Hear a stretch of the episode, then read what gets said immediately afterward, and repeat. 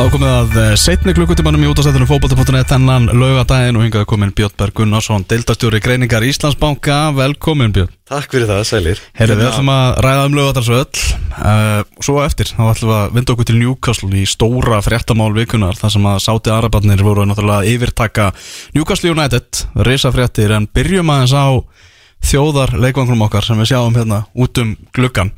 Kanski byrja á því að svona, ég sá að byrjaði eitthvað á Twitter í gær eftir að komu 1600 manns á völlin bara á endilega bæti við fleiri sætum á lögadagsvöllin og eitthvað bara býða með þetta tweet í draft. Já, sko umræðan sem við erum að fara að taka núna snýst ekki um sætafjölda.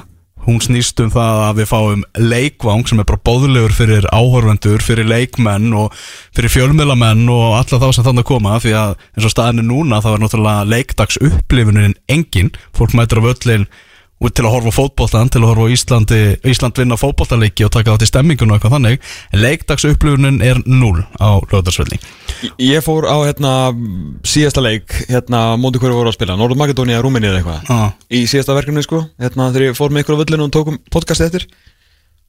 Komið smá tími sem ég fór actually á völlin, svona eftir ég hætti svona sem formlegur bladamæður per se og svona Ég er lappinn og það er náttúrulega ekki kæftur hérna, raun og veru Mér verður litið vinstri á sjoppunum góðu og ég sé fjórar stórar kaffikönnur og heilu stæðunar af stjórnupoppi ah. Bara- Pumpu kaffið og- Pumpu kaffi og stjórnupopp Bara þegar maður og, fyrir og paprikustjörnur Hérna, uh, förum tilbaka um 40 ár.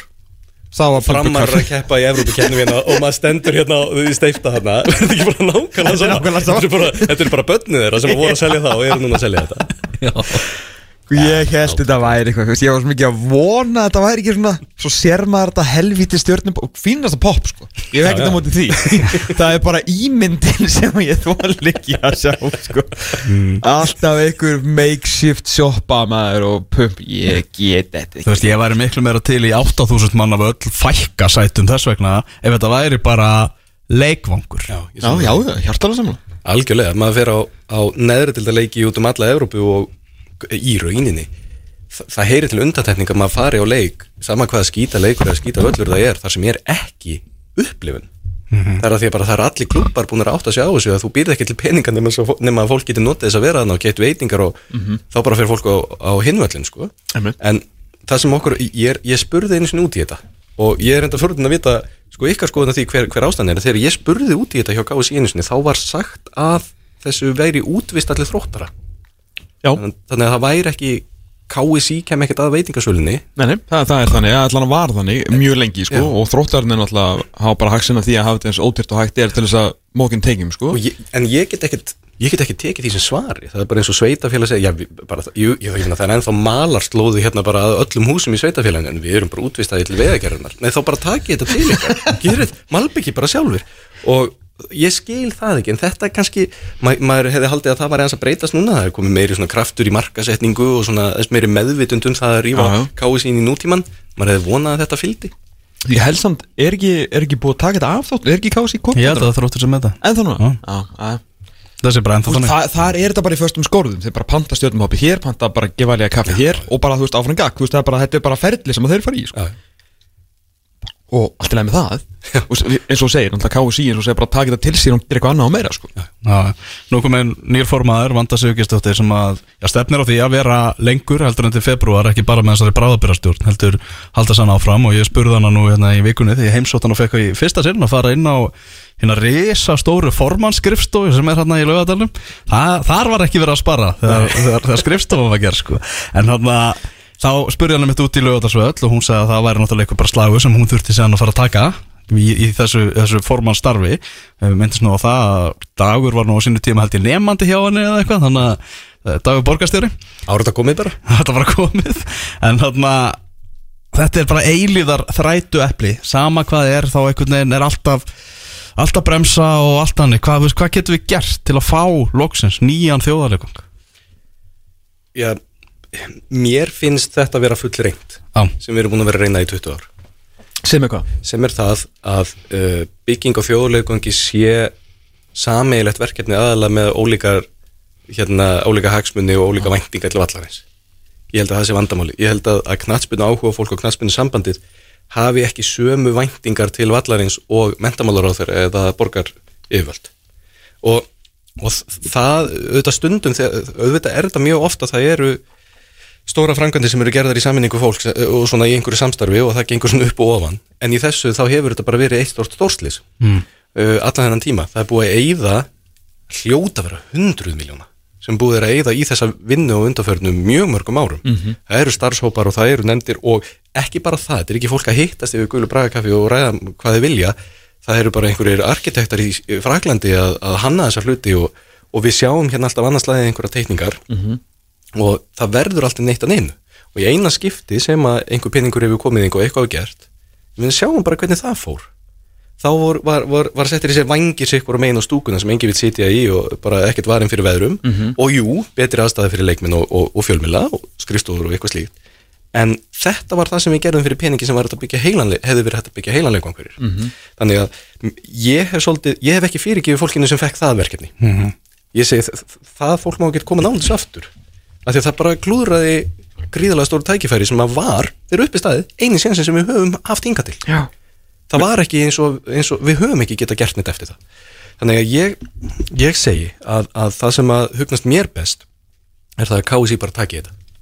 Og líti á þetta bara þannig að, að hérna uh, það verði farin leið sem að þarf þá kannski að vera svolítið strípuð.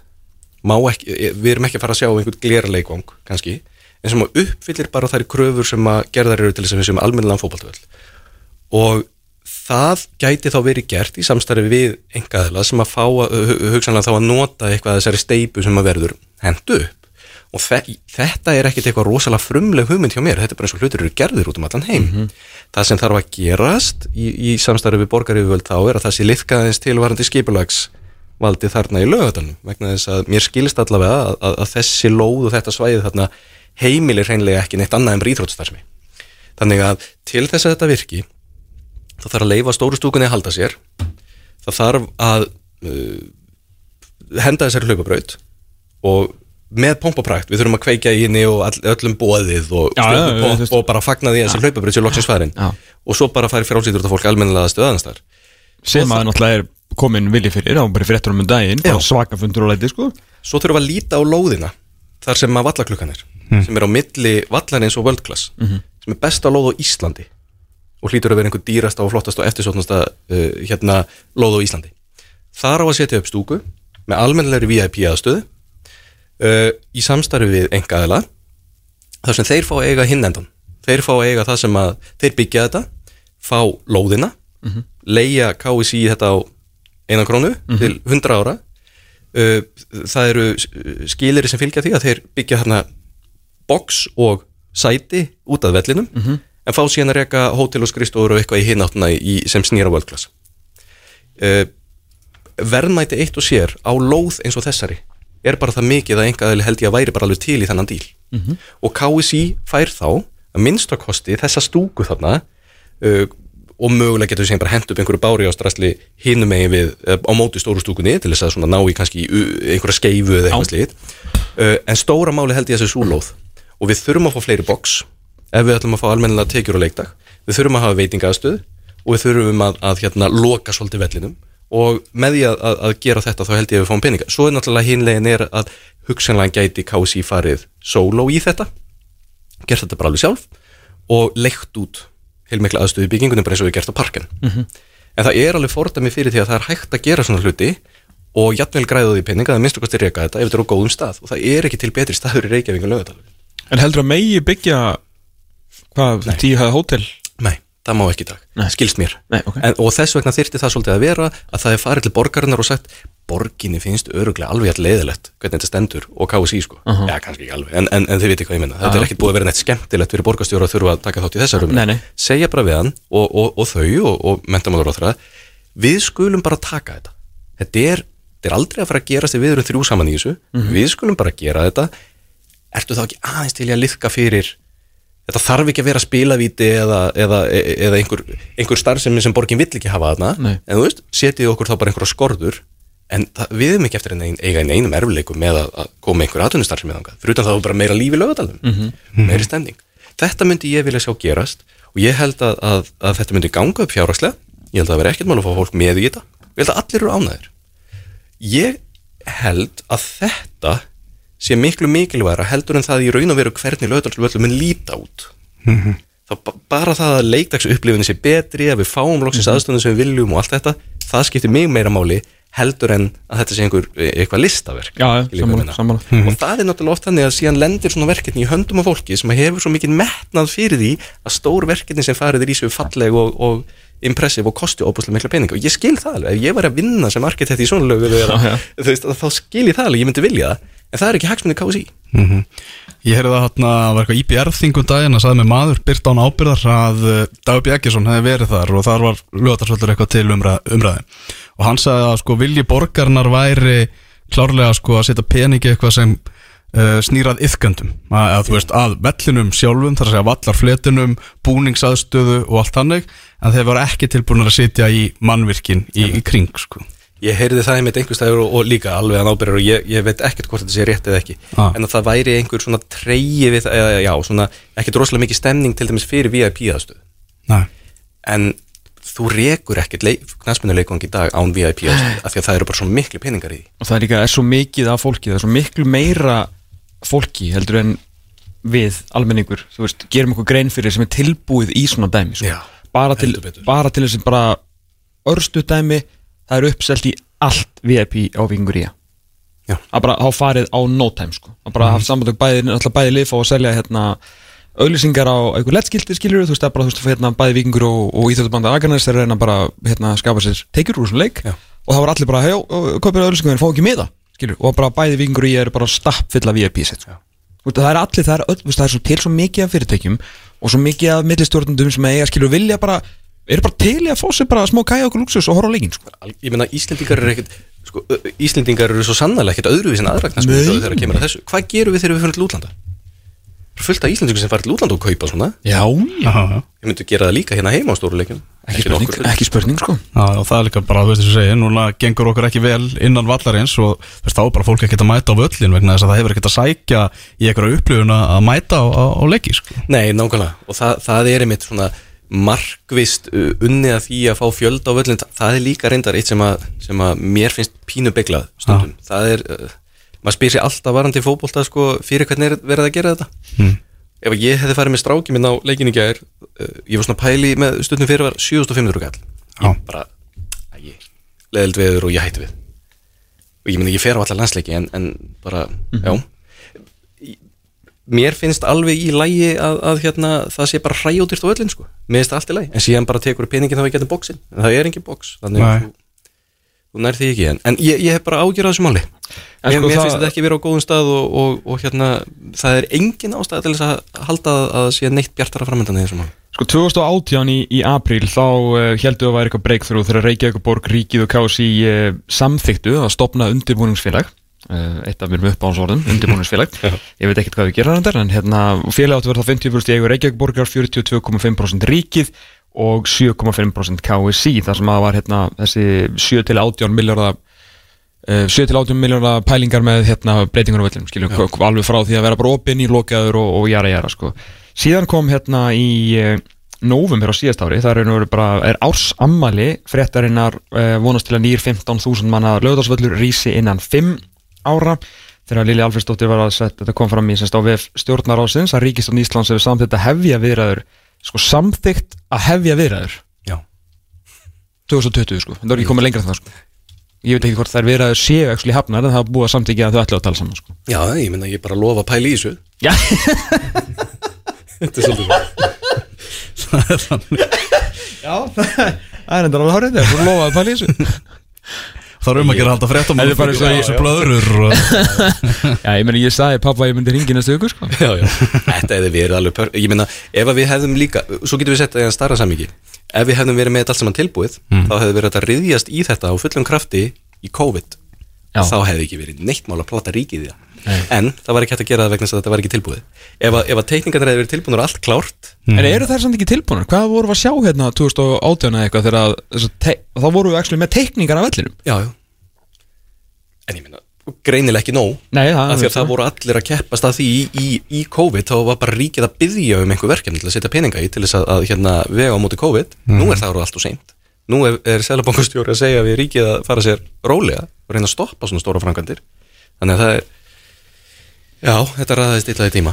Já, það gerir það svo sannarlega sko, því maður veit ekki hvað verður einmitt, verður einmitt núna en þú veist, þú ert náttúrulega líka bara, það sem ég hef aldrei skilið við þetta er hvernig er ekki löngu bara búið að selja það að búa til mannverki sem að þú veist, að því að, að því að alltaf svona, auðvitað getum að kvarta við því að ríkið og borgin síðis og það er alltaf, þú veist, tefst allt því að það vil enginn raun úr að setja peningin því að það er alltaf hérna,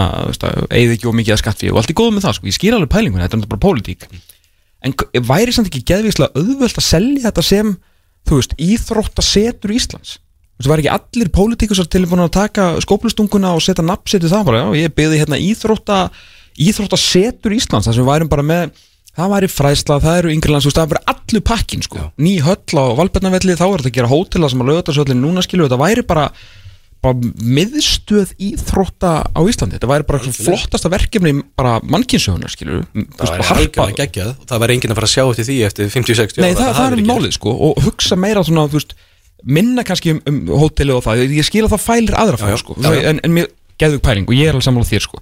En ég er bara, ég er einhvern veginn haldið að vera miklu auðveldar að selja þetta sem eitthvað svona, þú veist, sem við munum eiga eftir 60 ár saman. Já, sem svona Olympíu project Já, já, já, já sama hættu að vera að selja Olympíuþorpin sko, og Nákvæmlega. það er bara fræðarhöll í sí hvar er hún? Hún er í höstnum á Já, Bókstælega, af hverju er hún ekki þarna? hún, hún er bara, hún er svona an idea. Já. við erum að byggja hérna upp uh, sko varanlega komu miljóna útlendingar til Íslands. Mhm. og ég var að skoða um, um daginn hérna sportstúrisma. Það er að segja, sem er þá, við getum skiptið tvent það er annars vegar þeir sem eru að fara til útlanda af því að þeir eru að fara á íþróta viðbyrði Mhm. það er slættin sem gerir það, Vitið, það er bara fólk sem er að koma engar til Íslands Mhm. sem að langar að, að mæta bara á íjarvöllin og taka myndir inn í lobbyinu og eitthvað og þetta er bara stór hópur Ok. sem gerir þetta, en það er engin infrastruktúr fyrir þetta fólk Nei. síðan erum við með hinn hópin og auðvitað koma einhverju ringa og vilja fara á helikóttu skíði og eitthvað Já, já, já. síðan erum við með fólk sem að fer í ferðalög, venjuleg ferðalög en eyðir peningum í íþróttir þegar þeir eru í ferðalög 80% þjóðverja eyða peningum í íþróttir þegar þeir eru í ferðalög Ok, sem er rosalega fara á fótbollaleiki 80% 80% og, og það, það getur verið svona það er svolítið vítt neti, sko, það er verið að skoða svona hitt og þetta. En fótbolti er náttúrulega langvinnsalast íþróttin í Mhm. Ískalandi. Þannig að uh, við erum að fá túrista hinga til Íslands. Við bjóðum þeim engan infrastruktúr upp á það að eyða peningum í íþróttinar Nei. og ég skil alveg enginn að pæla í þessu fyrir tíu árum. En nú er bara fjöldin orðin það mikil og verður það mikil hérna. Við þurfum að fara að skoða þetta líka og þá er það infrastruktúr og þá er það laugadalurinn og þá er það KSI og þá er það nákvæmlega þetta sem við erum að tala um. Við þurfum að finna leiðir með til þess að gera svona lagað en raukst ég að það kom einhverju peningur á móti. Mm -hmm. að því að það sem mér er alltaf illa við er það að sko Olimpíu Þorps pælingin ég er alveg sammálaður að hún virkar svolítið á pólitíkina Já. en, en uh, sagan er ekkit rosalega falleg út um allan heim um það hvernig þetta síðan hvað gerist næstu 10, 20, 30 árun upp á bara peningana. Ok. Að, að þetta verður svo dýrt að það eru svona örfáur undatendingar Barcelona náða byggja upp mjög góða íþróttin við 92 en það er svona þetta er ekki allstaðar falli mynd sko Nei, nei, nei. en samt virðist að vera þannig og ég var einu sinni um, kannski ekki að segja hvað það var einu svona involveraði með, með formlegum hætti í, í ofnbæra stopnun Mhm. þar sem að ég uppliði það þegar maður var að tala við fólk, fólkið sem eða þá sem voru með, með hérna, peningavaldið Mhm. að ef ég var að kynna eitthvað sem meikaði fjármálulega sens ég segi ég þarf að fá pening í þetta og svo munum við svo er þetta bara komið eftir tvö ár þá er þetta bara komið þetta aftur og svo er, mun þetta bara bæta reksturinn okkar lengri tíma, það var ekki hlusta á þetta. Ok, en ef ég var að koma með eitthvað sem var miklu stærra og hefði komist í fjölmiðlana hefði verið stort og mikið og fallett og eitthvað slít en hefði skítapa peningum þá var spenning fyrir því þannig að það, það er það svolítið sem ég er að tala um þegar við erum að, að, að í samstarfi sko, þegar við erum að tala um hagsmunni kási annars vegar og hagsmunni borgaryfvalda og ríkis hins vegar. Að, að ég held að þessu mjög ólíkir. En ef ég væri, þú veist, nýr miljardamæringur og ég hef bara A, bara, þú veist, áhuga á peningum og geðvikan áhuga á fótbolta og, og arflið, ég verð bara til í að borga þetta basically, skilju, en, en ég vildi samt fá mögulega framtíðatekjur get ég, þú veist, gæti ég fara til ég veit ekki hver ræður sinni, Lili og Dags bara saman í, í kaffi og bara, herru má ég gera þetta bara sjálfur? Það er bara algjörlega geggju pæling sko. þú þarft að fá Uh, ein ástæðan fyrir því að, að, að alltaf vera að tala með þjóðleikungurinn eða vera hér Já. er það að það er búið að taka pólitíska ákvörðun um það að þetta skulle vera center íþrótt á Íslandi. Já. Sko, að, en þú ert að tala um á þessum stadi Já, já, þess bara, ég, þið verður að leiða mér að byggja hótel að veist, þar verð ég að fá okkur penning tilbaka en ég, ég skal byggja hana völl fyrir ykkur, sko. Og þið þurfum ekki að pæla í þessu, sko. Ég held að þetta væri besta mögulega lendingin af því að þetta myndi gera strax og þeir eru allir ánæðir Já, og hann myndi græða einhverja peninga og einhver verið pyrraður á því en það skiptir bara einhver máli vegna þess að knattspinnan fekk allt það sem hún vildi. Já, já. Eina sem Þetta gera bara skýra hann ekki eftir mér eins og Majeski. En vondur þessi aðeins að hlusta. Já, ég sé það. Bara grípa, En, grípa en hvað eru átján milljarar? Því að þú, eh, þú bókstala vinnur í banka. Hvað eru átján milljarar í dag?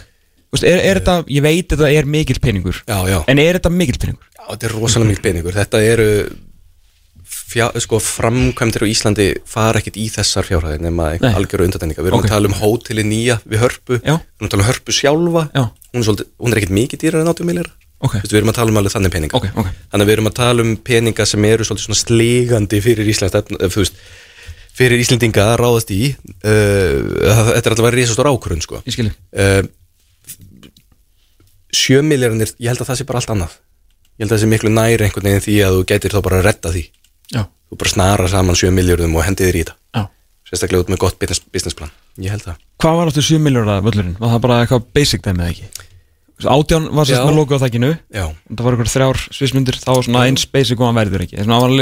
Huggulegur. Jú, jú, bara allt í lagi. Og ég, mér finnst líka alveg svo sem allt í lagi að, að gera, þú veist, hvað er það sem dæmis mörg félagslið gera, þau, þau byggja þetta upp í svona uh, eða hafa gert svona í kannski smá bútum. Já, já. Þú veit með stóra aðalstúku og svo kannski sikkur megin bak við mörkin og svo setur einhver tempurur í hinum megin. Mhm. svo eftir 20 ár og þá stækkar það. Ef að þú ert komið með peninga í það og það er ástæði til þess. Já. mér finnst það líka svo sem allt í lagi. Mm. Ef þú horfir á hérna leiki frá, eða svona gamla klippur frá United, veist, marki vinstra megin sem við erum að horfa á sko, þannig að bara ég held að 92 eða 93 tímbilið, ég bara rakst á þetta fyrir slistni aftur um daginn, það var marki hús að skora og það var er enginn fyrir aftan, það var ekki verið að byggjast húkur Já, ég meina, Stamford Bridge var svona fyrir ekkert löngu. Já, einmitt, einmitt. og náttúrulega hérna, Krefin Cottage bara á síðustu leitið Já. Já, þá náttúrulega að vera að stækka stúkuna við þeim sko. Já.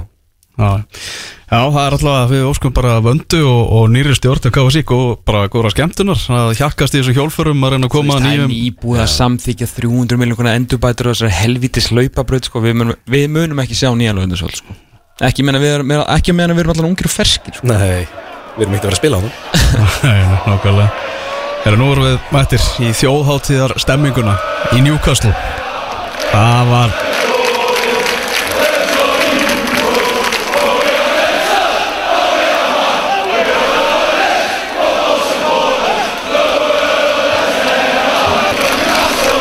Þetta er bara party hérna fyrir utan St. James's Park núna í vikunni þegar staðfest var að það verður komnir nýjir eigendur. Þau eru bæði að fagna því að þeir eiga núna ríkustu eigendur í heiminum og náttúrulega því að Mike Astley sem er búin að vera hvað, hvað er þetta mörg ár? Þetta er yfir áratugur sem hann er búin að eiga Já, vel rúmur þetta já, 14 ár held ég eða eitthvað sem hann hefur átt Newcastle og verið óvinnsæll í svona 13 ára af þeim 14 gríðarlega óvinnsæll og nú er nýja tímar hjá Newcastle hvað er að gerast þarna?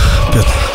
Sko, mér finnst, ef við höfum tími í það þá finnst mér, sko, tíma. þetta er svolítið ég hugsa það í sambandi við þetta njúkastl dæmi þetta er svona svolítið hingað og ekki lengra og nú bara verðum við að ræða þetta svolítið að, að hérna, ég, mér finnst mikilvægt í svona reisastóra máli að við svona bútum þetta svolítið niður Ok. og, og ég, við getum rætt þetta frá svona fjórum fjórum hérna sjónarónum eitt er bara hreinlega sem er mjög skemmtileg umræða hvað er þetta að fara að þýðin á vellinum bara hvað árangur er njúkastl að fara að ná það er bara algjörlega einangra dæmi svo erum við með uh, sko, þá komum við aftur að spurningunni fyrir hvernig er þetta mm. -hmm. er þetta gott fyrir fólki sem býr í Newcastle sem að eru í rauninni upphaflega uh, ástæðan fyrir að völlurinn er gerður og, og liðið stopnað mm Mhm. -hmm. stuðnismennin sem búa þetta er þetta gott fyrir þá að, að hérna fótboltin sé að fjarlæga þinn almenna stuðnismann og að þetta sé að fara að verða eins og uh, að því að Newcastle er ennþá þannig að íbúinir eru með season ticket sko. Mhm. það er ekki þannig á Anfield það var engi með season ticket nema bara einhverju normenn og einhverjir og,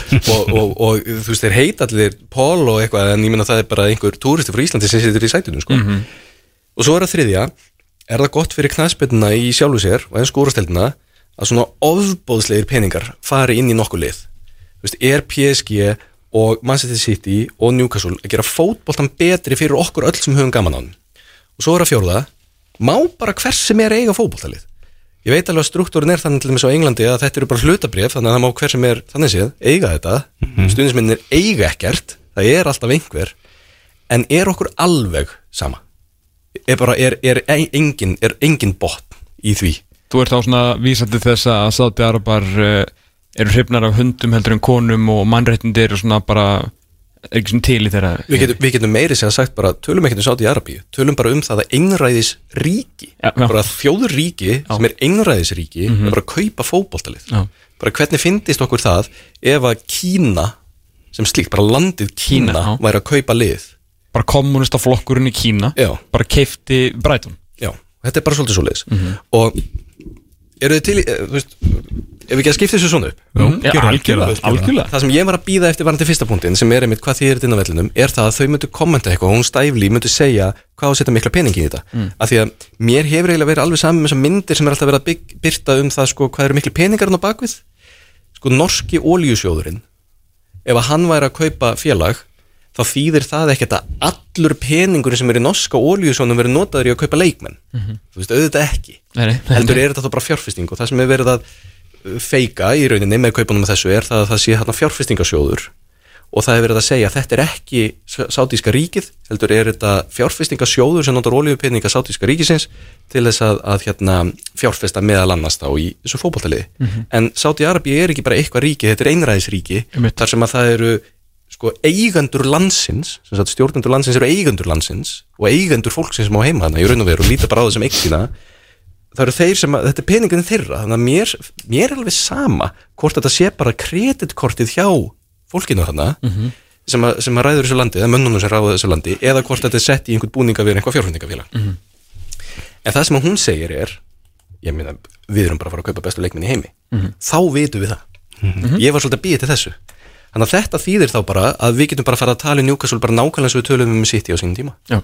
ég held það þannig að ef, ef að þau hafa áhuga á því að, að hérna, vinna meistaritildina þá snýst þetta bara að einu sem er hversu vel mun þeim takast að fara á svig við financial fair play Já. og City tókst alveg frábælega og Paris sem sem hann hefur gengið frábælega við það þannig að, að þú veist, svo getum við bara leikið okkur með það sko. Mm, Ég heyrði að sko hversu nýskur Mike Astley er búin að vera hjálpar þeim ennþá meira ég geta dælt peningum í þetta núna sko, Já. vegna financial fair play sko. af því að þeir þurfa, það sem þarf að gera til þess að ná að, að hérna ná að halda sér réttu megin allavega svona útlitnum til við fæðins að fairplay er það að byggja upp sko infrastruktúr sem hægt er að segja að sé að réttlæta tekjunar mm -hmm. það, um, Newcastle í dag er að taka inn innan með einn tíunda að markastekju Manchester City Newcastle er ekki minni klúppur í Manchester City, svona organically Nei, nei, nei, nei.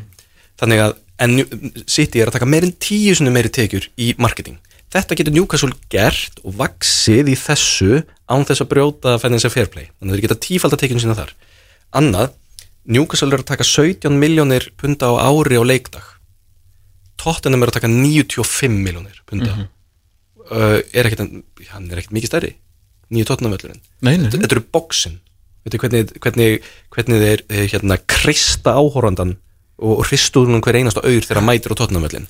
Þetta geta þeir gert líka. Þeir fjár, myndu fjárfesta í infrastruktúrunum, myndu fjárfesta í vellinum og ná þannig og síðan fjárfesta í markasliðni og þarna myndu þeir geta búið til kannski svona 300 miljónir pund á ári með þessu tvennu sem þeir geta síðan eitt og það er löglegt það sem að City hefur gert til dæmis og, og PSG líka og þessi lið gera er að þau láta náttúrulega bara eigandan auglýsa hjá sér sko þegar, að- þegar, að lið, þegar mannsýttur United er að, að hérna, bjóða út auglýsingun á belgnum að þá er hann alltaf bara hæspjóðandi sem fær hana auðvitað, þetta er bara útbóð, þeir vilja bara mesta peninga og mér, mér er alltaf fundist mjög skemmtileg tilviljun að það vilji þannig til að eigandinn er sá sem býður alltaf hæst í magan á sitt í sko.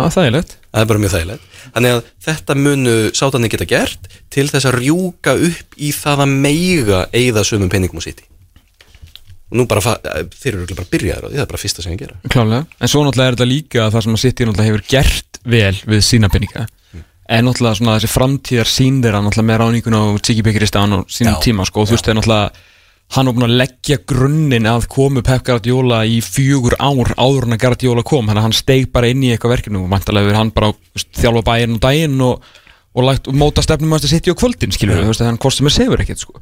Þannig að það er ekkit nóg bara að þetta verður kannski svolítið og City til að byrja með svona eins og hérna Jackson síðan Vatra Já. hérna City þú veist, það verður fyrst Rocky Santa Cruz skilur við eitthvað Vetrangor Luka keftur á, á spólu og svona, Darius skilurðu, Vass. Darius Vass, þú veist, eitthvað svona og, þú veist, og, og eðlilega, bara svona einhverjum leikminn úr dildinni einhver þjálfæri til að byrja með skilur, við, veist, ég held að þú veist, að þetta tekur alveg tíma og þeir munu ván vafa að fara að gera eitthvað að viti en það er alveg, þú veist, það þarf held ég og vona meira en bara botlusan Já. peningasjóð til að ná ykkur svona stjardfræðilegum árangri, skilur þú veist, það þeir þurfa að finna sinn bekir í stan.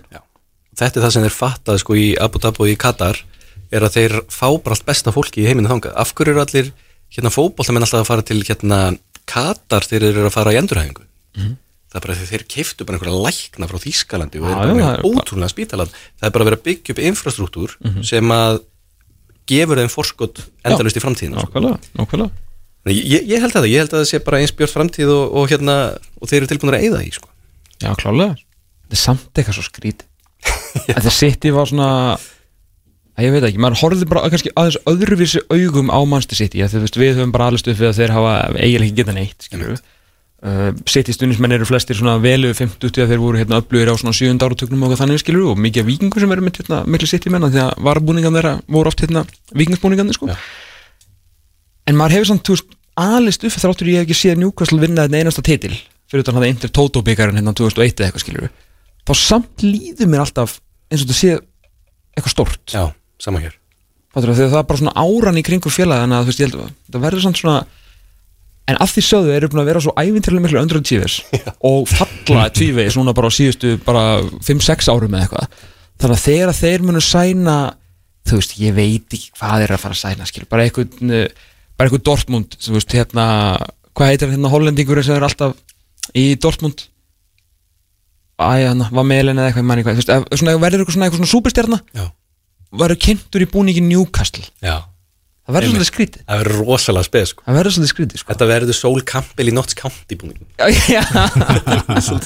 Það ég, þú veist, ég get alveg séð bara þegar Callum Wilson held á treyni, ég er bara, á, þetta sense Já. bara drullu solid 12 marka strækir.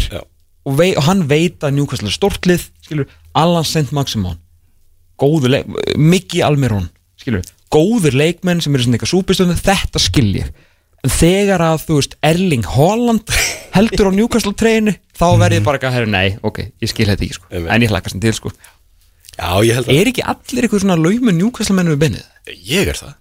Ég sko átt hérna, Óbúslega soft spot fyrir Newcastle. ég, svag, ég líka sko, ég á hérna á góða vin uh, úr Breiðaltinu og Vesturberginu sem er mikill hérna, besti vinnur fúsa Mhm. skarpi, að, hérna, mikill Newcastle maður og á Bobby Robson ornum þá horfði ég á þetta einasta Newcastle ég var á Ölver og hvað hérna, hérna hvað, og Players og veist, ég var að horfa á Europakefni félagslið, þetta var bara skemmtilegasta liðið bara í boltan, geggjaði sko. Þeir eru alltaf, það, það er akkurat máli. Ef maður, maður stekkur tilbaka um svona 15 ár, þá er þetta Asprilla og, Já. Catspæja og Gary Speed og Sierer og Loran og Bear Loren og Ber og Filip Alber og Típaði Smækjál þú veist, þetta eru geggjað minningar. Já.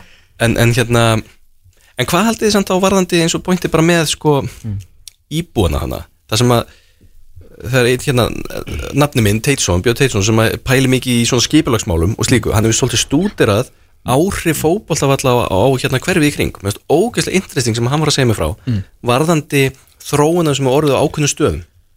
Sumstaðir er þetta þannig að það er alveg gríðarlega áhrif á vellinum völlurinn ef þú kemur á Guttisson til dæmis mm. þá stendur bara People's Club út um allt Ok. það er bara leggskóli og krakkar í fótbolta bara nánast við stúkuna Ok. og þú upplifir þetta einhvern og það er all, allir gluggar í húsunum í kring það er bara allt blátt Mhm. frá Anfield það er ekki þannig sko Mhm. Anfield sem bara í göngufæri bara rétt hjá, það er svolítið annað dæmi þú mætir á einhvað og þú sérði ekki innfætan það eru bara það er bara hópurum fyrir Ísland og Nóri og Indonési og einhverju bara að taka myndir að sér við stýttunar og snerta merki og allt þetta. Og þetta er svona eiginlega eins og þetta sé fullkomlega feik, það er bara ert mættur í Disney World og það sem að, það sem að hefur gerst til dæmis þar þrátt fyrir að, að hérna liðinu hafi gengið vel og allt það er að, er að það er engin eftir sko krakkin sem er elst upp í hverfinu er ekki með sísónteki, fyrir ekki með pappa sinum og mömmu á völlin og elst upp þannig. Hann þarf alltaf að horfa út í sjónvarpinu. Mhm. og, og það uh, það er eitthvað sem að mér finnst í sjálfu sér ekki droslega sérmennandi sko. að, að lokal fótboltali sem á að eiga einhverja skýrskotun, einhverja lokal skýrskotun að hún sé farin engöngu að þjónusta alþjóðlandmarkað mm -hmm. sé orðið svolítið svoleiðis þá, þá finnst mér maður að vera ekkit óðbúðslega langt fyrir þetta sé bara orðið að bandarísku fransjæs sem gæti það bara flutt og það myndi ekki droslega mikið breytast við það Nei. Uh, þannig að ég velti því einmitt fyrir mér sko, veist, er, er þetta þróun sem okkur finnst í sjálfu sér skemmtileg? Það fer svolítið eftir hvort að þau allir taka með að því allir svo sæðir og séu svona meðvituð um hversu ótrúlega lojal þessi hópur er. Hvað, er, hvað þú veist og hérna hversu mikil ástin er. Þegar glemjum ekki þetta er bara eina félagið bara for a thousand miles sko. ég veit að Söndiland er hérna nálat skilu en þetta er bara risaklúpur sem á bara heila borg. Þetta er ekkert eitthvað tvö mannsistilið eða þú veist, 15 klúpar í Lundunum en þannig sko þannig að þú veist, ef ég væri þetta þeir alltaf eiga svo ógeðslega mikið peningum Já. að ég einhvern veginn myndi þú veist taka að minnstakosti aðal stúkuna bara heila stúku og bara svona fastsetja hana fyrir fólki heima skilja. Að það skiptir okkur, að það game demoni skiptir þá í raun og einhver máli Nei, þannig ekki alveg sætin Fattur, þú veist, Já. taka alveg 40, þú, bara 40 sæti fara bara þú veist, í sömu uppbyggingu og þú varst að tala um Þú ert bara að tala um Dortmund Dortmund, já, bara já, bara þú veist, bara sötrubúni Og Bayern, já. já. og bara, að það verður bara ein stúkan að hérna, bara að þú talar ekki skrýtna hensku, þá lappar ekki erinn Það er verður ekki normaður í þessari stúku. Ég, ég myndi allan að koma með eitthvað svona pælingu. Já, já. halda minnstakosti einni, bara heilli stúku bara af fans. Og, og þetta er eitt sem að Liverpool hefur kveikt á með því að nota Jörgen Klopp út í samfélagið og uh, Trent Alexander Arnold Mm. það er einmitt að reyna að engagea aftur reyna að grípa svolítið er þetta virkilega svona, þú veist, alltaf þegar ég horf, ég hef náttúrulega, maður sé bara einhvern veginn alltaf kopp og ég mynda mér alltaf að það sé bara allt fullt af, veist, er það sem ekki ennþá alveg Jú, jú, jú, það er ennþá í En kopp svo er þetta náttúrulega bara, þú veist, eins og Master United og, og hérna, og Liverpool, skilur náttúrulega, þetta er skrítið að segja þetta en svona fórnalamb eigin velgengni þegar kemur að þessu, að þú veist ekki fórnalamb, þú ert farin að trekja inn einhverja hundra miljónir pund á árið, þú veist, á game demoni, sko, nei, en þú ert með 500 til 600 miljónir fans worldwide, sko, Já, já. á náttúrulega endanum þurfa þeir líka að fara á völlin, sko. Já, og svo auðvitað þýðir þetta bara það að, njú, að sko, íþróttafélög náttúrulega bara eins og þú þekkir manna bestin inni sko, geta náttúrulega líka bara hýft mann upp hérna andlega persónulega Ég heldur myndur. og maður verður bara Og setti niður. Já, og maður kemur eftir langan vinnudag sko, og, er skemmtlegri borg en ég held sko. Ok. Ég hérna, Newcastle er ekkert söndiland sko. þetta er mjög hugulegri borg og það er alveg örgulega alveg ágætt að vera það en, en maður ímyndi sér sko fólki sem hefur búið að vinna langan, strangan dag á, á hérna á lúsa launum einhvers staðar í Newcastle og, en, en svo gengur liðinu vel. Og hvað það er gaman og, og, og það sem við verið er að gera með þessu náttúrulega þú ert að fara að gleðja væntalega þennan hóp og náttúrulega Newcastle stundin sem er út um allan heim. Já. En hvað þá með pælinguna um bara hérna þetta óbúslega ójatnvægi í fótboltanum sem verður til þegar að botleysi peninga mæta er það gaman í sjálfu sér þegar að maður mætir í smáralitina og íslenski krakkar eru í PSG-búningum munu alast upp við það að halda með liði en hafa engan áhuga á deildinni sem það spilar í Það er rosa spes Það er eiginlega meira spes heldur en þetta en nýja NFL-dæmi sem er svolítið að koma í fótboltan með að halda með köllunum en ekki liðunum sko. Já, veist, Akkúrat. það, það meikar sko, amerísku fótbolti er vissulega liðsýþrótt en rosalega einstaklingsbundin liðsýþrótt það hver og einn, ég veit í fótbolta hefur hver og einn rosalega mikið, hérna, mikil áhrif á liðið en þú veist fyrir þá sem að hafa náttúrulega hort á, á ameríska fótbolta náttúrulega sjá, skilur það er eitt kall grípur fyrir hundra jörgum skilur, þú veist það er bara svona hans vinna og hann er geðvikur í því. Svo bara þú veist þetta er svo þetta er bara svona 11 skilur svona skák menn, Já. fattur þú veist og hver er með alveg svona geðveikislega afmarkað hlutverk. Þannig að það er mjög eðlilegt að halda bara upp á einn mann sko en þú ert samt meiri, þú veist, auðvitað áttu upp á sleikmann í fótbolta, en þú heldur samt með liðinu sko Já, já, en þetta, það er svona það sem að PSG er aðeins að taka út úr þessu Já, já. með Mbappi og, og Neymar og mögulega Messi núna sko. þannig þegar ég sé ég verði að vikina það þegar ég sé þessar PSG treyður og, og Jordan framan á eins mikið Jordan maður ég er, ég veist, mér finnst það bara skrítið sko. Mér finnst, það, ég, mér finnst þetta ekki og ekki, ef, ef, ekki maður sjarmerandi, sko. ef maður dregur einhvern veginn pælinguna um þetta sem er að gerast í Newcastle bara svona á þetta plan. Mhm. og maður svona fyrir einhverja almennar pælingar um fótboltan þess vegna er ég svolítið að segja mér finnst Mhm. þetta að vera, við erum á ákveðnum tímapunkti núna og búin að vera á undanfjöldum örfáum árum, súpilíku umræðin er bara nákvæmlega sam umræða, þar sem að ég held að einhver staðar þurfi fólk að, að pæla í því bara veist, það er einhver breyting að eiga sér stað, fundamental breyting í fótboltanum, bara í íþróttinni. Og er hún góðið eða er hún slæm? Og ef okkur finnst hún slæm getum við gert einhvern þess að breytinni en, en þetta er þannig að það er bara þú getur keift þér og það hefur alltaf verið þannig. Auðvitað hefur það verið þannig. Blackburn vann ekki titilin á sínum tíma bara af því bara. Nei, nei. bara fóru miklu peningar inn í þetta. Mm keiftu bara leikmenn unnu titilin kannski ekki á sama skala og sittigerði en, en samt. Já, bara framreiknar. Já, já, þetta voru bara, þetta, bara, þetta var svona ekkert ósvipa, pæ, pæling í grunninn. Nei, en viljum við það? Er það skemmtilegt? Er það skemmtilegt fyrir en annar menna stuðnismann?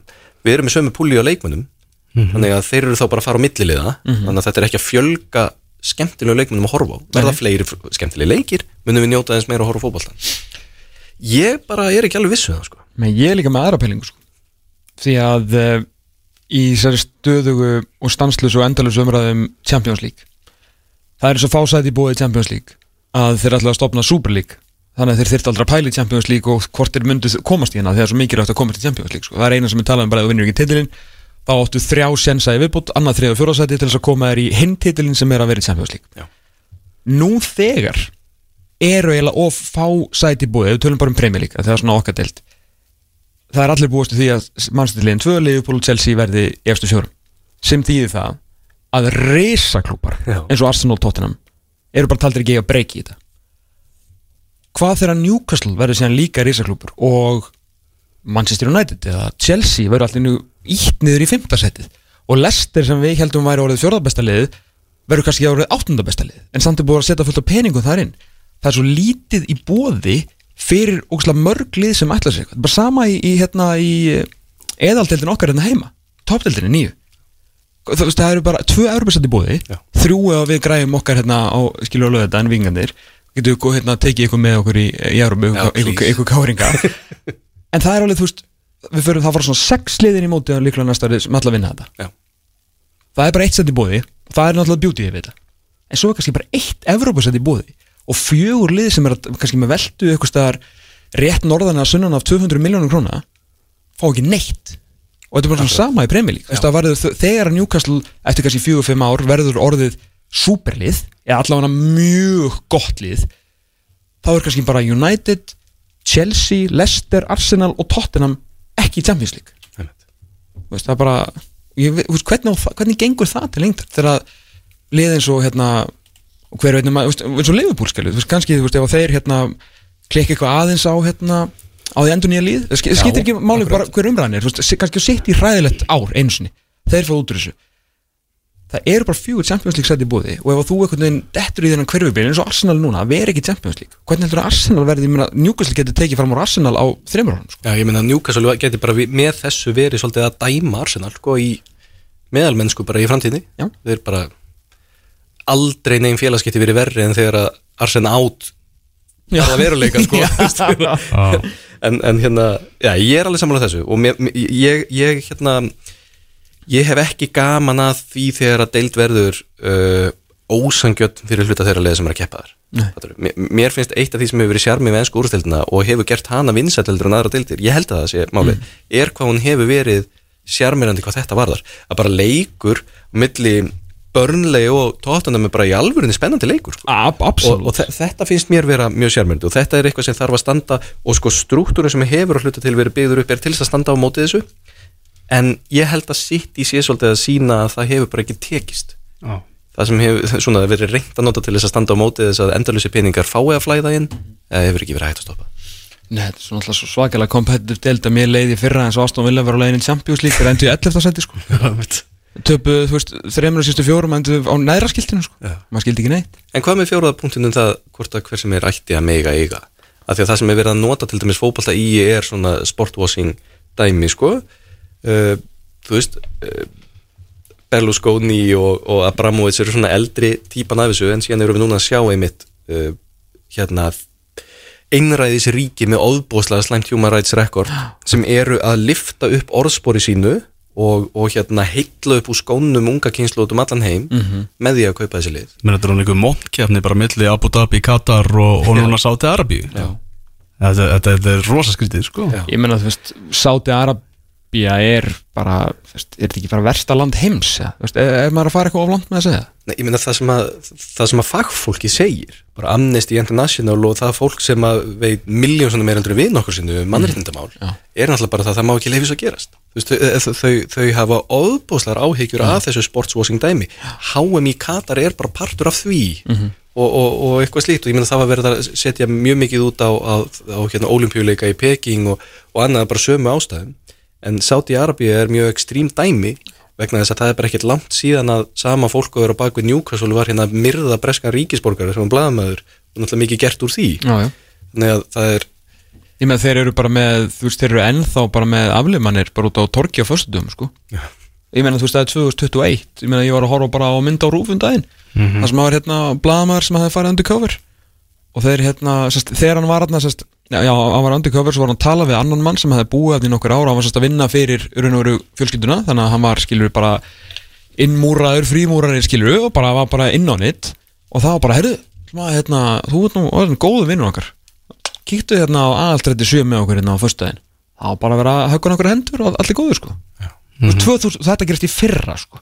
Það sem er bara aflimanir út á strætum og fólk er bara syngjand og trallandi sko veist, þetta er alltaf galið. Og 98% eða eitthvað stuðnismanna Newcastle eru bara syngjað og dansandi við því að þetta séu nýju eigandunir og ég, ég, held að, ég held að það tengist í ekkert hverjir þeir eru. Nei. ég held að það tengist í að Mike Astley er farin og það eru ógæslega miklu pinningar að koma inn. Já, og, bara, Þessi og hjarta fyrir Já. Þeir bara sjá fram á betri tíma eins og þú segir Það er alveg nógu vond að vinna einhverja láluna vinnu, skilur og koma svo heim og borða einhvern hérna, fristan mat úr Æsland skilur og svo tapar Newcastle fyrir AFC Wimbledon í deildabíkanum sko. Og þetta Lífið er- alveg nógu vond sko. Þetta loðir alveg við fótbolta og ég veit að maður á ekki að hætta sér út í- þessu umræðu með hérna, auglýsinga vemmálufyrirtæki eða eitthvað slíkt Nei. en menn það líka sýnir sér það fólki er alveg nákvæmlega sama þó að til dæmis peningur sem að er að koma inn í klubbiðin sem notað til að þvó hérna, í skipilagi já. og peningaþætti fólki verðist vera alveg sama þannig að, að það kemur ekkert óvart að stundisfólk segir bara þú veist, balansin á þessu er þannig að mér er alveg saman einhver mannréttinda brotinu minn á heiminn og það er bara það sem að fólk er að hugsa. hefur, hefur ekki áhrif á þig sko. hefur ekki áhrif á því persónulega nema að það verður bara meira skemmtilegt að fylgjast með félaginu. En vonandi verður þetta þó allavega til þess að við erum að sjá það núna eins úrústildaliðin er allavega þykist vera eitthvað að, að vekja aðtekli á þessu. Þannig að vonandi verður þetta þó til þess. En, En þetta þetta, þetta var svona ekki svona rætt í þessu ferli. Nei, Ein- eini. Eina hraðahindrunin var bara hérna leikjum. streymið var, bara, það var bí inn í raun og veru sem að stoppaði uh, að þetta gerist í fyrra að þeir eru orðin þreyttur úr því að sá sem að geta eðlilega fyndið ekki förðar eiga nóga pening þegar tíma svo ekki bara svona borga fyrir henska boltan sko. Þeir voru bara að nota óljóðlega streymi frá bíin og vildi ekki stu kaupa réttir sko. þeir ekki að kefta hann bara með peningunum og rassvasanum á sig sko. Það var það sem að stoppa, er ekki um. Þú veist, það var ekki, það var ekki verið að ræða þessi mannréttum Nei, það er, það er tvennt, það er annars vegar það einmitt og síðan einhver hérna garantí um það að, að uh, hið opimbera að nafn, allavega, já uh, komi ekki að rekstri njúkasú, já, já. Sem er náttúrulega bara vilja sagði, því að auðvitað er það alveg þannig. sjálfsög Þetta eru bara, það heitir Saudi hvað, Saudi Arabia Public Investment Fund?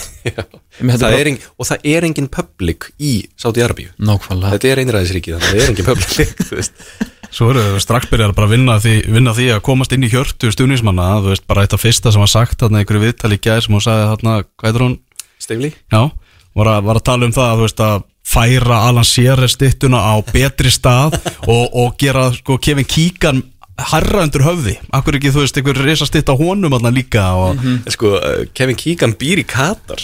Já, síðastir í vissi ok, Já, já. bara í dóa já, síðastir í vissi Já, og hérna þannig að það er mjög það, ég meina, það er einn vingil sem mjög það er ekki mjög hlýtt á milli sem þetta ekki að landa þannig það er Nei, þetta er, þetta, er, þetta, er, hérna, þetta er rosalega dæmi en ég meina hvernig svo sem maður lítur á þetta þá, þá er þetta einhvern veginn bara sko pen, ofbóðslegir peningar í fótbolta er bara einhver svona einreið sem er að riðjast yfir fótboltaheiminn -hmm. og það er hér og þar verið að reyna einhvern veginn að henda upp einhverju litlum keilum og reyna svona einhvað að stoppa en þetta bara riðst yfir allt saman og það er ekkert hægt að stoppa þetta nema að það verði tekið fastar á málunum heldur en hefur verið gert hinga til Mhm. af því að við erum 2021, við erum búin að vera með umræðin núna síðustu tíu árin sem mjög alvarleg umræða um með mitt, alls konar svona mál ég meina við erum bara á þeim stað það sem að hafa aldrei verið fleiri sæti í beint automátisti mistari til Európu fyrir stæstu liðin. Þar sem að Superlík var næstuð að fara að gerast og það muni eitthvað að gerast í framhald þar sem að HM á að vera á tveggjára fresti. Þar sem að uh, æ fleiri lið eru komin í eigu einræðisríkja. Þar sem að Lionel Messi er komin til Paris Saint-Germain sko. Við, erum, við erum í þessum heimi núna árið 2021 þetta mun bara halda áfram, verða stærra og stærra og stærra það stæsta og skilja allt hitt eftir og munur verður þannig að bara svona þessi hræðilega martruð sem að, maður vonar að maður vakna aldrei uppi þar sem að fótbolti er orðin NBA er bara að fara að verða. Nei, ég, ég, ég held að, þú veist, hvernig ósköpunum á til langs tíma félagi eins og sáþondunum geta keitt við núna, Nei, mitt. Þú veist, þetta þetta er bara farið, þetta búin ekki geta árið Nei, nei, og sama hversu fallet plan og setur upp með eins og, eins og Brighton. Já. að ef að þeir fá ekki einhverja ævintilega innspýtingu, þú veist, ef að draumur þeirra er að keppum mestaraldarsæti eftir þrjú, fjúr ára eða eitthvað skilur það er bara að það er verið að íta þér lengra fara Já, bara allt sem þú er búin að setja upp með Graham Potter að bara á svona eðlilegum nótum vantilega búin að eyrnamerki einhverja leikminn sem getur keift eftir 2-3 ára skilur, þú veist, eitthvað 12, 15, 20 það er bara svona smám saman. Svo mæti Newcastle og er bara komið betra að lið en þú eftir kannski tvo transferglukka sko. og þetta er, þetta er eins og vakstavexti, sko, þetta verður þannig að þú ert með, út með ákveðin grunn sem er tiltölulega jafnaður út, sem er úrvarsleitin bara þáttaka í úrvarsleitinni það er ógeðslega vel sett upp að lið sem fer upp úr championship upp í úrvarsleitina, það getur gert eins og börnlei, það er alveg ótrúlega að koma til börnlei, sem er bara já, ég ætla ekki að bera það saman við neitt, veist, það er ekki hugulesi staðu sem ég ferða á. Ok. og, og þetta er 70 manna bæjarfélag eða eitthvað slíkt. Mm. uh, infrastruktúrin sem hefur verið byggður upp með, af því þeir eru búin að vera svo lengi í Premier League er að fara að gera það að verkum að, að þú ber saman börnlega annars vegar og hins vegar ef að segja bara Sheffield Wednesday eða einhverja stóra klúpa sem eru búin að vera lengi fyrir neðan er að það er, það er ekki að líka þessum klúpum saman varandi infrastruktúr. Allir klúpanir sem eru búin að vera án þáttöku í úrvastildinni í, í svona kannski 10-15 ár þeir eru ek, þeir hafa ekkert geta sett í klúbin sinn nema Portsmouth þegar þeir eru ríka neyganda en þú veist allir hinn klúbanir eru bara einhverstaðar í resturusli þessi klúbar sem eru búinir að vera fyrir ofan, Everton og, og hérna Burnley og margi fleiri klúbar sem eru kannski ekki sama stærðagráðu sér allra stæstu, þeir eru að ná að byggja upp með hérna úrstildapenningunum þannig að þarna erum við komið eitt lag af gríðarlega miklum aðstöðumun. Það eru premjölíkliðin annars vegar og það eru öll liðin fyrir neðan hins vegar. En núna er það sem maður hefur áhyggjur af það er lægið þarna fyrir ofan. Það eru ofurliðin sem að hafa til viðbótar við allt þetta aðgengi að þessum ofbúslu penningum sem er alþjóðlega markasetningin sem að er einmitt ástæðan fyrir því að City er að taka 320 miljónu pund á ári eða eitthvað bara í auglýsingatekjur á meðan aðrir eru kannski hætnir enn á 20-30 og síðan fara þeir í meistaradeild og meistaradeildin er líka þessar ofbúslu penningar og eitt sísón af þessu gerir líklegra á næsta ári að þú myndir aftur komast í þetta. Skiljið hvað ég meina? Og þá verður þannig að allir hinir sem verða eftir þeir komast aldrei í þetta þannig að þeir eru alltaf bara á sama stað þó að þeim gangi kannski þokkilega reyka klubin en hinir, þeir eru ekki bara á, á sama stað þannig fyrir ofan, þeir hækka og hækka og hækka og hækka. Og stóru klubinni skilja sig meir og meir og meir á hverju ári frá öllum hinnum vegna þess að þeir fá ár eftir ár eftir ár í meistaradeild og í öllum þessum kommersialtekjum og þetta er, er það sem þarf einhvern veginn að stoppa og ég veit ekkert hvernig að gera En þeir eru ekki hérna til að leysa þetta, bara það tala um þetta. Það er bara þannig, Björn Berg bara alltaf. Gaman að fá þig, virkilega gaman. Er ekki farið vel með þig hjá dóttunum með það? Við erum búin að lána þig náttúrulega svona út, sko.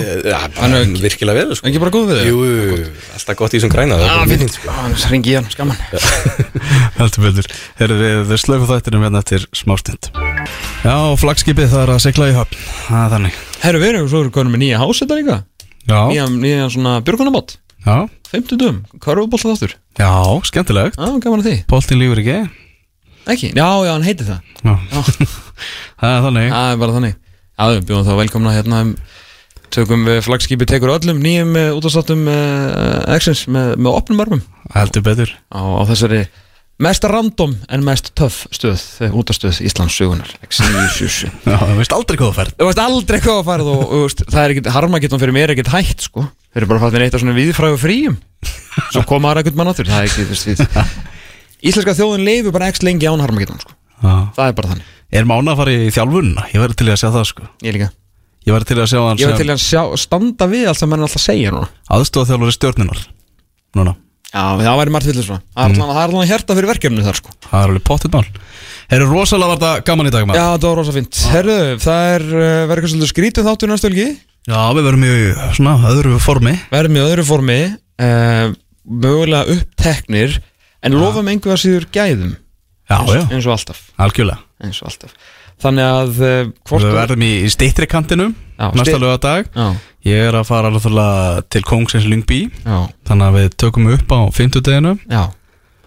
Og uh, verðum svona í meira svona Meiri podcast feeling heldur, heldur en útvarsfeeling Og hann kemur líka mögulega, alltaf að spila hann frumsina samt á löð En hann kemur að setja hann strax á veitunar ef ekki hendur honum fyrir á stað Og svo bara hendur honum í lofti hér. Jú. Já, ég held En að endilega bara svona stillið í klón 12 á næsta lögudag Bara þannig að uh, Haldi hefðina. Annað þessi orð hér, make sense.